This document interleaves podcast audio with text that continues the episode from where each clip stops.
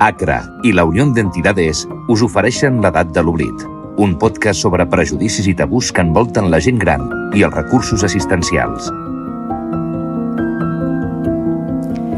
Quantes persones grans parlen per WhatsApp? Saben fer servir les xarxes socials i fer compres per internet. Probablement siguin pocs els casos de gent gran que dominin tots tres aspectes, que per sort o per desgràcia han esdevingut essencials a la nostra societat. Així, en general, no és cap secret dir que les persones de més edat mantenen un vincle més feble amb la tecnologia que les generacions posteriors. Per tant, edat i tecnologia són dos elements incompatibles? Avui volem anar més enllà d'aquest estereotip i descobrir què hi ha de veritat i de mentida. I per fer-ho ens ajuda en Genís Roca. El nostre convidat és un dels majors experts en transformació digital del nostre país i acumula més de 30 anys d'experiència en creació de projectes a internet, direcció d'empreses i exploració del potencial de les xarxes socials. Comencem i ho fem com sempre a peu de carrer, avui preguntant què penses de les noves tecnologies i la gent gran? I això és el que ens han dit. Què penses de les noves tecnologies i la gent gran? Són compatibles? Creus que a la teva generació li passarà el mateix? Eh, doncs, bueno, jo crec que està bé que hi hagi noves tecnologies i que vagi avançant si són compatibles amb la gent gran, però també crec que sempre hi ha d'haver doncs, una atenció personalitzada que no sigui amb màquines o amb tecnologia, sinó de, de tu a tu, perquè, per exemple, eh, sé que hi ha molta gent gran, entre, per, per posar un exemple, els meus avis, que estan tenint molts problemes amb tot el que és treure diners al banc, les caixes, etc que s'està digitalitzant molt, però cal una atenció a la persona també. Genís, aquí aquesta reflexió a peu de carrer ens obre dos melons directament. Per una banda, la necessitat de crear tecnologies més compatibles amb la gent gran o que s'adaptin, i per l'altra, que les noves tecnologies espera el contacte tu a tu que tant estem acostumats i l'atenció més personalitzada. I un dels exemples posava el banc que moltes vegades veus en els caixers automàtics de fora, cada vegada hi ha menys eh, gent que t'atenen al banc, vas amb les noves tecnologies, t'has d'espavilar. Per la gent jove a vegades ja és un problema perquè no saps com va, i per la gent gran a vegades també. Llavors és, és com si haguéssim arribat a, a un futur massa aviat, on encara no estem preparats ni, ni uns ni els altres. Sí, sense cap mena de dubtes això, eh, de que anem massa aviat. Per tant, tota aquesta etapa de transició eh, és dolorosa, dona problemes, però si et mires la tecnologia, no l'estic defensant, només intento descriure, si et mires la tecnologia, eh, progressa clarament cap a una major usabilitat. No fa tant, eh, eh, molt, però en termes antropològics no fa tant, 10 o 15 anys mm -hmm. o 20, era MS2. Els ordinadors anaven en, comandam en comandaments a tipus copy, espai, asterisc, C2 punts, no sé què. Després en Windows també era una miqueta rotllo. Era amb el ratolí, no sé quantos, obrir finestra, tancar finestra, Ara ja estem parlant d'assistents a veu eh, i d'usos molt més intuitius. Eh, abans, per poder fer servir un ordinador, feien cursets, cursets de, de, de tota mena, i cada cop els usos són més intuitius. La tendència és a relacionar-los amb interfícies a veu, cada cop serà més fàcil. El problema és que estem en aquesta transició, i ara, avui, en aquesta transició, l'expectativa de ser més usable no és suficient, però hi anem. Clar, has dit uh, fer-los més uh, fàcils, més intuitius, però alhora també uh, ja s'està creant una generació que ha treballat amb tot això, que abans mm. no hi havia aquesta mm -hmm. formació. Sí, mira, la paraula ja ho diu tot, eh? La, uh, quan fas servir la paraula tecnologia? Fixa-t'hi, fas servir la paraula tecnologia només per referir-te a coses posteriors al teu naixement. Si quan vaig néixer ja hi eren, no li dius tecnologia. Tu... Això és molt bo, no m'hi no havia parat a pensar mai. Tu n'agafes i dius, uh, anem a, a fer servir tecnologia per mirar una pel·lícula. Uh, no, tu poses la tele, no? o tu poses la ràdio, o fins i tot, fes amb el llenguatge, eh? màquina d'escriure, màquina de fotografiar. Va haver-hi un moment que tot això era tecnologia, i avui ja no ho és, perquè quan tu i jo vam néixer, malgrat ja les diferències, ja hi era. Llavors, quan tu dius tecnologia, quan tu parles de tecnologia és que no hi era quan tu vas néixer. I quan dius noves tecnologies és que t'ha agafat derrapant i que fas el que pots. És com una, és, eh, és una esquerda, no? És com a vegades parlar de les Olimpiades del 92, els nascuts abans o els després, que també hi ha un, una marca. Bé, hem sentit a la gent del carrer eh, i, el, i ens ho has comentat, Genís, però ara volem sentir una persona gran. Què en pensa, no? Doncs nosaltres, per sort, tenim a l'Araceli, que no s'ha tallat gens a l'hora de respondre com s'entén ella amb les noves tecnologies. No. No he sigut mai. Telèfon sempre. Però en el mòbil no m'he aclarit mai. Lo just per cridar i prou. Amb el mòbil no m'he aclarit mai, lo just per cridar, que entenem per, per parlar, per trucar als seus familiars i prou. Um, dissenyem pensant només amb els que en saben, ara em deies anem cap a una major usabilitat, és a dir, que s'entengui millor, però pensem ja que són gent que ja han tingut un primer contacte, pensem més amb, amb, aquest, amb l'Araceli, persones com l'Araceli, per exemple. Sí, que, segur que no. Uh, és impossible uh, proposar una tecnologia nova que sigui 100% usable per a tothom. Llavors, tu el que intentes és que sigui el màxim d'usable pel màxim possible de gent, però segur que no serà mai per tothom. Igual que tenim aquest exemple real d'algú que no se'n surt amb les noves tecnologies, també podríem trobar forces exemples de gent gran que miren al WhatsApp els vídeos del net, com comença a parlar, de com li surt la denteta i de com dir les primeres coses, i ho mira raonablement contenta de poder veure el seu net, que viu a 800 quilòmetres i que poder no ho podria veure. Però malgrat que jo defenso que hi ha gent gran que està incorporant certs usos a la tecnologia, és evident que hi ha certa gent gran que no està incorporant certs usos a la tecnologia. Al final, la tecnologia la adopta sobretot qui, la, qui, qui més la necessita. Pretendre que una persona gran eh, vagi a pagar el rebut de la llum i ho faci en el caixer, eh, introduint el codi de barres, etc és, és un error claríssim de disseny, això no passarà, i llavors tu has de ser conscient de que has de tenir un servei alternatiu, etc. Però pretendre que tothom pugui fer-ho servir tot és inviable perquè la, eh, és una tecnologia nova, encara li diem tecnologia, llavors és nova i té tot un procés d'adaptació, tot un procés d'evolució, que no ho estic justificant ni excusant, ho estic descrivint. Vols això és així. És nou, és això nou és... i per tant encara tots anem peix amb això. Això és així, per tant, haurem de conviure amb aquesta transició, amb aquests problemes, i el que hem de fer és reconèixer aquests problemes i gestionar-los, però sense eh, jo crec que no, no guanyem criticant com s'ha dissenyat la tecnologia.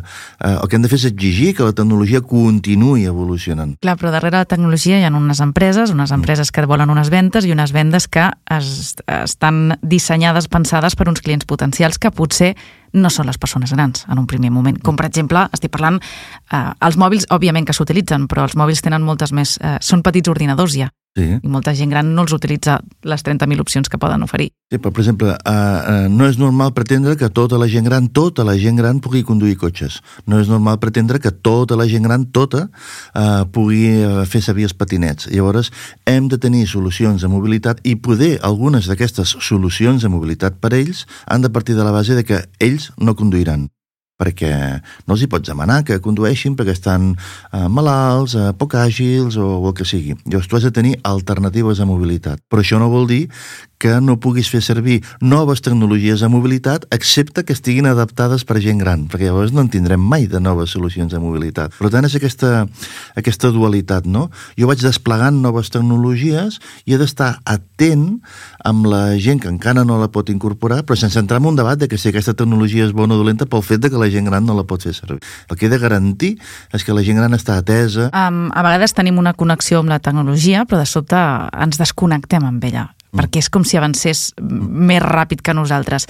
A partir de quin punt es perd aquest fil amb la tecnologia? Uh, la tecnologia, com tot, és perillosa. Pot generar addiccions, pot generar patologies, pot generar vicis, pot generar mals usos, però, uh, i això és, és un fet, i és un fet que podríem anar ara a un hospital, a l'àrea de psicologia, de tractament psiquiàtric, i ens explicarien les misèries que veuen cada dia derivades de l'ús de la tecnologia. Addiccions, moltes vegades. Addiccions, però el que també podem fer és posar l'accent en la, la quantitat de coses meravelloses que passen gràcies a la tecnologia. Una vegada em varen dir, mira, ha sortit un estudi de quantes parelles s'han trencat per culpa del WhatsApp. I tu ara em diràs, i quantes, I quantes han començat gràcies al Tinder? I quantes se n'han fet, no? Vull dir que al final cadascú tria on posa l'accent. Llavors, la tecnologia genera problemes? Segur. La tecnologia genera avantatges i coses bones? Segur.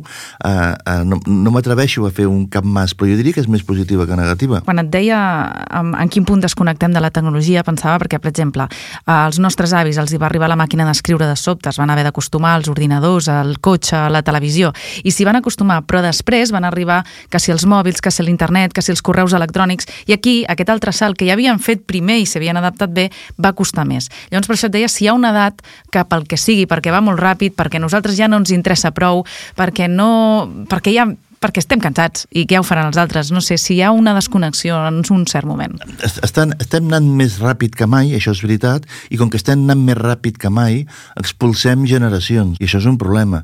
Abans, eh, la generació que no coneixia aquella tecnologia podia completar la seva... Tenia temps per fer-ho. No, i, i podia acabar la seva vida, diguéssim, desenvolupar la seva vida mm, sense incorporar aquella tecnologia. I en canvi ara tot va tan ràpid que no, no t'esperem. Uh, per exemple, mira, el meu avi, jo sóc, no sé, tinc l'edat que tinc, eh, 55, Ah, molt bé. Bé, ni, ni, normal, mig, normal, normal, no? Llavors, el meu avi va veure com l'arribada dels cotxes, l'arribada... Llavors, en algun moment, ell eh, es va plantejar si es traia el carnet de conduir, si tenia un cotxe, si tenia una moto... De la generació del meu avi, n'hi que no van arribar a tenir cotxe, i n'hi ha que sí. I malgrat decidir o no poder eh, arribar a tenir un cotxe, ell va fer una vida rica i plena. Eh, a la generació del meu pare, algú que hagués dit jo no vull cotxe, eh, estic feliç sense cotxe, ja tenia més problemes. Problemes per accedir al mercat laboral, uh -huh. ja no podies... Moltes feines que quedaven fora. Per exemple, el meu pare es va fer viatjant. Viatjant sense carnet no és raonable. I el, i, el, I el meu avi, m'explico, no? Uh -huh. Doncs ara arriba una tecnologia que si tu la incorpores tens més avantatges professionals, més avantatges socials, més avantatges eh, de tot tipus, i podria haver-hi algú que no l'accepta. Qui no accepti aquesta tecnologia ara està quedant fora del mercat, del mercat emocional, laboral, eh, eh, econòmic, eh, no, no, no pot actuar. I això és un problema.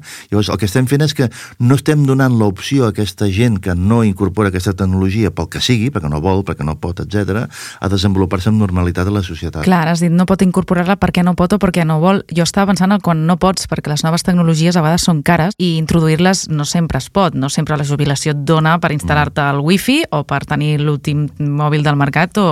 Clar, això també t'exclou. Sí, jo, mira, jo quan era encara més jove que ara, eh, eh, Uh, hi havia gent que em deia nosaltres a casa no tenim tele, perquè considerem que la tele és un no sé quant. I jo tenia una tia que sempre em deia però la pots apagar, eh? Uh, diu, nosaltres a casa tenim tele i quan no ens agrada la paguem en lloc de queixar-nos a la tele. Les tecnologies s'han d'aprendre a fer usar, a fer, a fer servir. El que no sembla gaire raonable és negar-les eh, gairebé que et diria per, per ideologia. El que has de tenir és la intel·ligència de fer-la servir.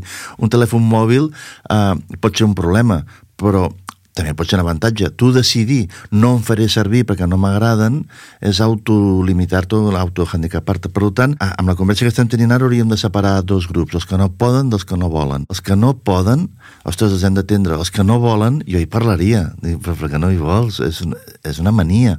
Uh, les manies, en definició, són dolentes. Vull mm. dir, uh, sigues intel·ligent i fes l'ús que més et convé Uh, jo conec molta gent que té una vida rica i plena, uh, fa servir tecnologia i els veig bé, feliços, enamorats de la seva gent uh, i que tenen la capacitat d'estimar més encara amb aquesta tecnologia, de cuidar més, d'ajudar més uh, i de fer més coses bones. Uh, en entorns com en entorns com les residències, un mòbil pot ser molt útil perquè les famílies es comuniquin uns amb els altres, però funciona de veritat? Escoltem en Jordi, que té la seva mare en una residència. Mal. Ella només sap fer anar el mando de la tele. Ah, molt bé. Este sí que el sap fer anar. Lo mòbil ja... No. Ella sap, li vam ensenyar que el ver és per contestar i punto. Pel de més li costa, perquè mentalment no està al 100% ja ma mare. Um, Genís, ara escoltàvem en Jordi que deia, no, la meva mare amb això no, no s'aclara, no? Um, de quina manera podem fer reconnectar les persones grans amb les noves, amb les tecnologies que ells no dominen i dir-los um, com els hi venem per, per, aproximar, per tenir aquesta connexió que la residència, per exemple, implica no poder tenir tant perquè no estàs a casa o perquè no els pots anar a veure. O, um, com els hi podem dir? Això, mare, això, mare, ho necessitem. Uh, és que hi ha graduacions que succeeixen molt ràpidament. Hi ha una generació una miqueta perduda. Eh, hi ha un perfil de gent, no vull posar-los edat perquè no depèn només de l'edat, mm. que no té l'habilitat eh, i ara ja no està en condicions de desenvolupar noves habilitats. Mm. Però hi ha gent de la mateixa edat que sí que té aquesta habilitat o la capacitat de desenvolupar aquesta habilitat i que això ho farà servir. Vull dir que igual que podem anar a buscar aquest testimoni real d'algú que diu, ostres, la meva mare amb això no se'n sortirà i jo eh, amb prou feines fa, fa servir el comandament, el comandament, el comandament de la tele és una tecnologia i bé l'ha incorporat. Dir, al final, tothom acaba adaptant tecnologia, però pot necessitar un ritme. La quantitat de gent gran que entra a les residències, que sí que sap fer servir un mòbil per fer una trucada de WhatsApp, de vídeo, mm -hmm. per mhm. exemple, i parlar amb el net, progressa, augmenta. Cada cop hi ha més de la gent que entra en una residència que això ho té.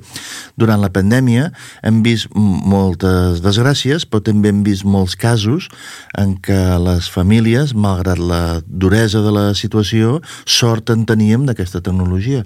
Tots tenim les anècdotes de gent ingressada a la UCI que sort del mòbil perquè és que la família no podia accedir a l'hospital, no podia fer visites, sort en teníem d'aquesta tecnologia. Llavors em diràs, hi havia gent, algú podria dir, hi havia gent que no sabia fer aquesta tecnologia i dic, ostres, però, que, els que, però quanta gent ha tingut sort d'aquesta tecnologia per poder fer això? I ara Llavors, sembla que no existeixin les trucades, ara sembla que ja només existeixin les videotrucades sí, després de la pandèmia. Que, bueno, jo, jo, la mainada que jo conec, eh, i jo no sóc mainada però m'hi incloc, me molesta molt parlar per telèfon. No, em ratlla molt. O sigui, a, a mi em diuen, no sé què, tal, truca'l. Ostres, poden passar tres dies, perquè jo no el truco, perquè és que no trobo mai el moment de fer una trucada. Uh, prefereixo fer un missatge o fer qualsevol cosa. Però perquè tinc diferents opcions per comunicar-me. Ho puc fer millor o pitjor, eh? Perquè també hi ha gent a vegades que, que, que em busca i no troba, no? Que vol que li contesti, no hi ha manera. Però cada cop hi ha menys gent eh, que no sàpiga fer una tocada de telèfon. Cada cop hi ha menys gent que no sàpiga fer una videoconferència. Encara queda gent que no sap fer una videoconferència. És cert, els hem d'atendre, els hem de cuidar, però fer una videoconferència avui, comparat amb fa 3 anys, avui és molt intuïtiu, comparat amb fa 3 és anys. És més fàcil. Però a vegades també hi ha... Eh, les tecnologies, al final, és com aprendre un nou llenguatge, és com incorporar-ho, i això a vegades fa mandra mandra aprendre coses noves que saps que et costaran una mica. A vegades la... Anava a dir culpa, no m'agrada el concepte culpa, però també rau en nosaltres mateixos i, i de dir, podré aprendre-ho perquè et fa mandra, et fa por sentir-te que vas fracassant fins que no introdueixes Mira, bé la tecnologia. El, el, el gran motor per incorporar tecnologia a la història de la humanitat, no ara la nostra gent gran, sinó a la història de la humanitat, des de la Mesopotàmia més antiga fins ara, el motiu més potent per incorporar una tecnologia és la necessitat.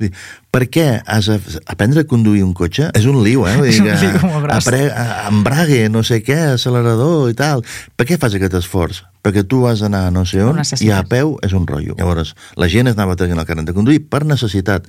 N'hi havia algun que ho feia per pel plaer de la velocitat i no sé quin rotllo, però la majoria de la gent de la generació del meu pare se'l treia per necessitat. Uh, I la, el gran motor d'incorporar tecnologia és la necessitat. Si tu no tinguessis la necessitat, no ho faries. Uh, ara ens costa... Uh, uh, la gent gran que jo conec... És que hi ha de tot. Generalitzar sempre és molt delicat perquè algú dirà aquest noi no sap de què parla, perquè a mi jo conec un cas, tothom coneix un cas. Però en general, la gent gran, sorprenentment, anava al caixer automàtic i treia cèntim. Actualitzar la llibreta. Actuali actualitzava la llibreta, sorprenentment, perquè jo era una andròmina, en, no sé, complicada. Uh, però, ostres, uh, és la manera d'accedir al metàl·lic, de tenir cèntims, etc. Ara ja no va així, va en targeta, jo crec que en general déu un i el que paguen en targeta. Ostres, anar a pagar el rebut de la llum, amb això ja és massa. Uh, però han incorporat tecnologia. A vegades parlem de la gent gran com si no haguessin incorporat tecnologia. N'han incorporat. També és veritat que associat a una necessitat hi ha una simplificació de les interfícies. I això encara ha d'espavilar molt més, ha de créixer molt més, ha d'avançar molt més, i hi ha gent que no li arribarà. Eh, hi ha gent que ja està amb els, no sé quina edat dir-te ara, eh? no sé, 90, no sé quants, eh, i que dius, 3 anys més i ja ho tenim. Home, doncs poder no farem, no farem via, no?, aquí. Però la tecnologia està fent un progrés, eh, i cada cop se'ns incorpora eh, més gent amb, amb un aspecte espectre d'usos més ampli. Per fer una crítica, la, la, a veure, la tecnologia avança, però a vegades aquest pas per, eh, per ajudar-te a avançar amb la mateixa velocitat que la tecnologia necessites les persones i a vegades també moltes empreses treuen les persones que poden ajudar a adaptar-te a aquesta tecnologia. No, sí, sí, no, que no sembli que fujo d'estudi, eh? Tenim un problema perquè l'eficiència, la cerca del resultat, maximitzar el benefici, tota aquesta dialèctica contemporània ens porta a atendre bé el que va pel broc gros, atendre bé el que va pel carril central. I tot el que són perifèries marginals eh, no, no, no és rentable i no ho fem. Podem parlar de la gent gran i el seu accés a serveis bancaris, però també podríem parlar de les plataformes i, i que sigui en català. Eh, mm. no, és que en català és marginal, per tant passo. Home, perdona, però jo com a comunitat cultural existeixo, tinc uns drets, no em vull aplanar culturalment, eh, no vull que tota la meva cultura sigui anglòfona, eh, jo tinc una singularitat, demano, i llavors veia, però aquesta especificitat teva no me surt a compte. Ens passa en català a les plataformes el que la gent gran amb la tecnologia no formem part del, del carril central mm -hmm. i algú creu que no cal, i nosaltres hem de defensar que, que cal. Per tant, eh, i tant que defensaré sempre que la gent gran, etc. No, només estic dient que entenc el moment en el que em trobo de progressa, però això no és excusa per no deixar de queixar-nos. I com ho podem solucionar? És a dir, s'ha de legislar en aquest sentit? Que hi hagi una legislació estatal que impliqui que les empreses tecnològiques s'impliquin en aquesta exclusió? Perquè ara estava pensant, em deies, de, de, de l'idioma, de la cultura, però ara també pensava, hi ha certes persones amb dificultats cognitives que a vegades també queden excloses d'aquestes noves tecnologies perquè no es pensa primer en elles, perquè són una minoria. Mm. Com que, com que tinc una edat, eh, eh, recordo perfectament quan al principi aquests dispositius nous, ordinadors, PCs, Windows, processadors de textos, etc, estaven zero adaptats a gent amb ceguera eh, ostres, ho tenien molt fotut per fer servir un ordinador, eh? eh havia, la, me recordo, la 11, que feia uns programes per no sé què, era molt farragós. Eh, la gent amb discapacitats visuals eh, progressivament ha anat sent cada cop més atesa, cada cop més atesa, i jo no, no controlo, no sé si està perfectament resolt, però segur que està molt més resolt que al principi. Per tant, per poder adaptar els col·lectius eh, que tenen problemes d'adaptació, segur que caldrà legislació. I ara vas a un caixer automàtic i els teclats tenen braille, eh, tenen aquell relleu perquè puguis saber si està demanant 1.150 euros o, o, 10, o, o, 10, o, 10, o 15 euros o què, no? Segur que necessitem normativa, però tot i així la normativa mm, a vegades no pot ser l'única solució. L'altra solució podria ser que les marques considerin que aquest és un atribut de prestigi de prestigi, ells, de cortesia, de qualitat, de, de sensibilitat, eh, o, o ho faran per motius de màrqueting o ho faran per motius legals. Confiar-ho tot només a una de les dues eh, no sembla una bona idea, però sí, farà falta normativa. Abans m'has dit clarament que una persona gran que domini les noves tecnologies li millora la qualitat de vida, però fins a quin punt dominar les noves tecnologies i incorporar-les eh, pot contribuir en el benestar d'una persona? La, la paraula dominar és excessiva. Sembla que, sembla que sigui l'èlit que domina, no? Dominar, simplement eh, sí, tenir-hi eh, accés sí, i més sí. o menys saber-les gestionar. Exacte. Vull dir, eh, tenir usos eh, de tecnologia només pot causar eh, beneficis. Eh, no, causa beneficis segur, eh, també pot generar algun problema, com tota la vida, no? Tu pots fer servir un ganivet i tallar-te, la típica broma, no? Vull dir, eh, el, el típic comentari que es fa per defensar la neutralitat de l'eina eh, i, que, i que són els usos els que, els que afecten. Fer servir eh, tecnologia, sobretot l'actual del que estem parlant, permet mantenir el contacte, permet mantenir la relació, i això a priori em sembla superpositiu. Rebre ajut, no?, també a vegades. Que una persona pugui rebre ajut i pugui socialitzar-se de més maneres que no només la presencialitat, em sembla més... Eh, més, més pobresa mm, relacional que no pas si poguessis relacionar-te amb els que et venen a veure, amb els que et truquen, amb els que fas videoconferències i amb els que xateges i amb, o amb els que t'envies cartes. És dir, qualsevol eina que em permeti augmentar les meves capacitats de relació són, són, són millors.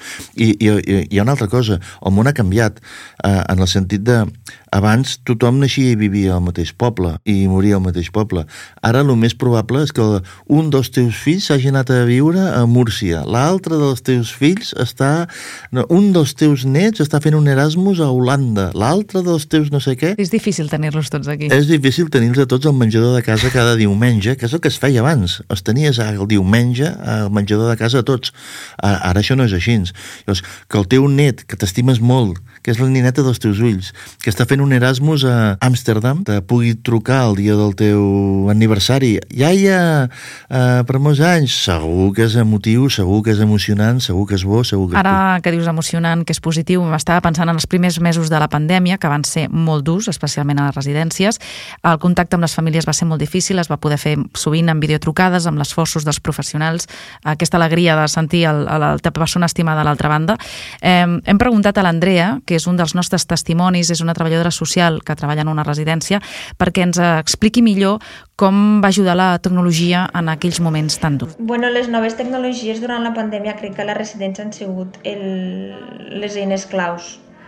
Crec que ells també han comprès millor la utilitat que tenen doncs, les tablets, els mòbils i, i, i crec que ha sigut l'eina bàsica que ens ha salvat de molts moments d'angoixa, de, de pèrdua, de preocupacions i, i crec que arrel de la pandèmia molts residents eh, entenen millor l'ús de les noves tecnologies i comprenen què se poden fer amb, amb elles. Vull dir, tenen molt clar que és una videotrucada,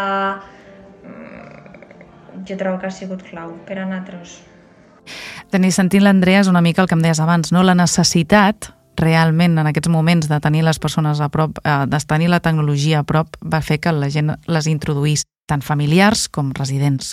Va estar bé eh, en el sentit de, per exemple, la meva primera opció és amb els meus amics quedant a fer una cervesa, demanar unes braves i xerrar dels temps. Però si per alguna raó no pot ser, perquè un d'ells està a 2.000 quilòmetres, per exemple, benvinguda l'alternativa. Eh, el que passa és que a vegades sembla que la tecnologia es vulgui imposar com la única solució, que és el que passa a vegades amb, amb l'exemple que fa servir tothom ara dels bancs, no? Uh -huh. eh, dir, no, si fos l'alternativa jo estaria content, però és que no em donen cap altra alternativa. Et quedes només amb aquesta opció. Ho he de, ho he de fer així. Però hi ha molts usos en què això és el, la, una opció més, i com a opció més, és bona. superbé. Uh, parlem tota l'estona de transformació digital, um, com si, com si ja estiguéssim arribant al final. Estem arribant al final d'aquesta transformació digital? Estem començant.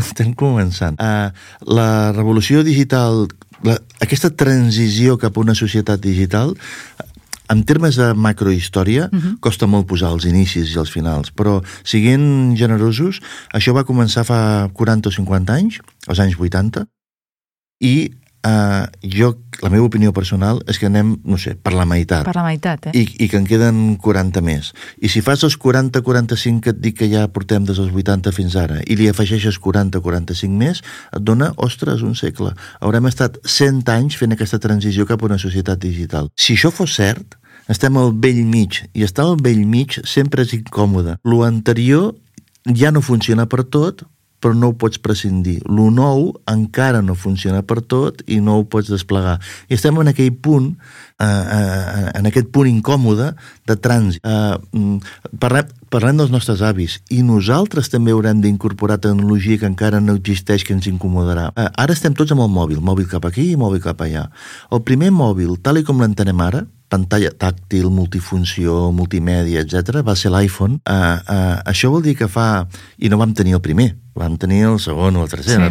Això vol dir que en mòbils només, en fa, només fa 10 anys que n'hi ha. En tinc, en, jo en tenia 45 i... No jo anava, sabíem què era el jo, mòbil. Jo anava amb un Nokia d'aquells que sabia per jugar a la SERP sí, i, fer, i fer trucades. I fer trucades, ja està. Eh, llavors em diuen ara, de, desbloqueja el patinet amb, amb un codi QR. Dic, però de què em parles? Eh, tot això fa 5 anys no passava. Sí, jo fa cinc anys no havia patinets al carrer i els desbloquejava amb el mòbil i, i me n'anava a no sé on és, fa cinc anys només això. Vull dir que si tu mires és molt tendre tot. Quan fa que, que hem connectat a internet l'aspiradora, la tele, l'autobús i la bàscula? Fa no res. Fa res, dos. Uh, on t'anirà a parar? Posa-li 15 anys més, on t'estarem? Clar, o sigui, ens queda encara molt de camí per fer, en portem un tros, la població cada cop té s'envelleix més, és a dir, mm. tenim més esperança de vida, per tant, sembla clar que tecnologia i envelliment o tercera edat estan destinats a entendre. Uh, si hi ha molta gent gran que necessita un servei, apareixerà algun tauronet d'aquests que, que el voldrà oferir. Per tant, acabarà apareguent la tecnologia que necessita aquesta gent per ser ben atesa, amb la interfície que necessita. Uh, falta que sigui un mercat, i ho serà, perquè cada cop són més, i, i em sap greu parlar així, eh? perquè m'agradaria que les coses passessin perquè és un dret, o que les coses passessin perquè és just, o que les coses passessin perquè val la pena. Uh, però ho sumes tot, passarà.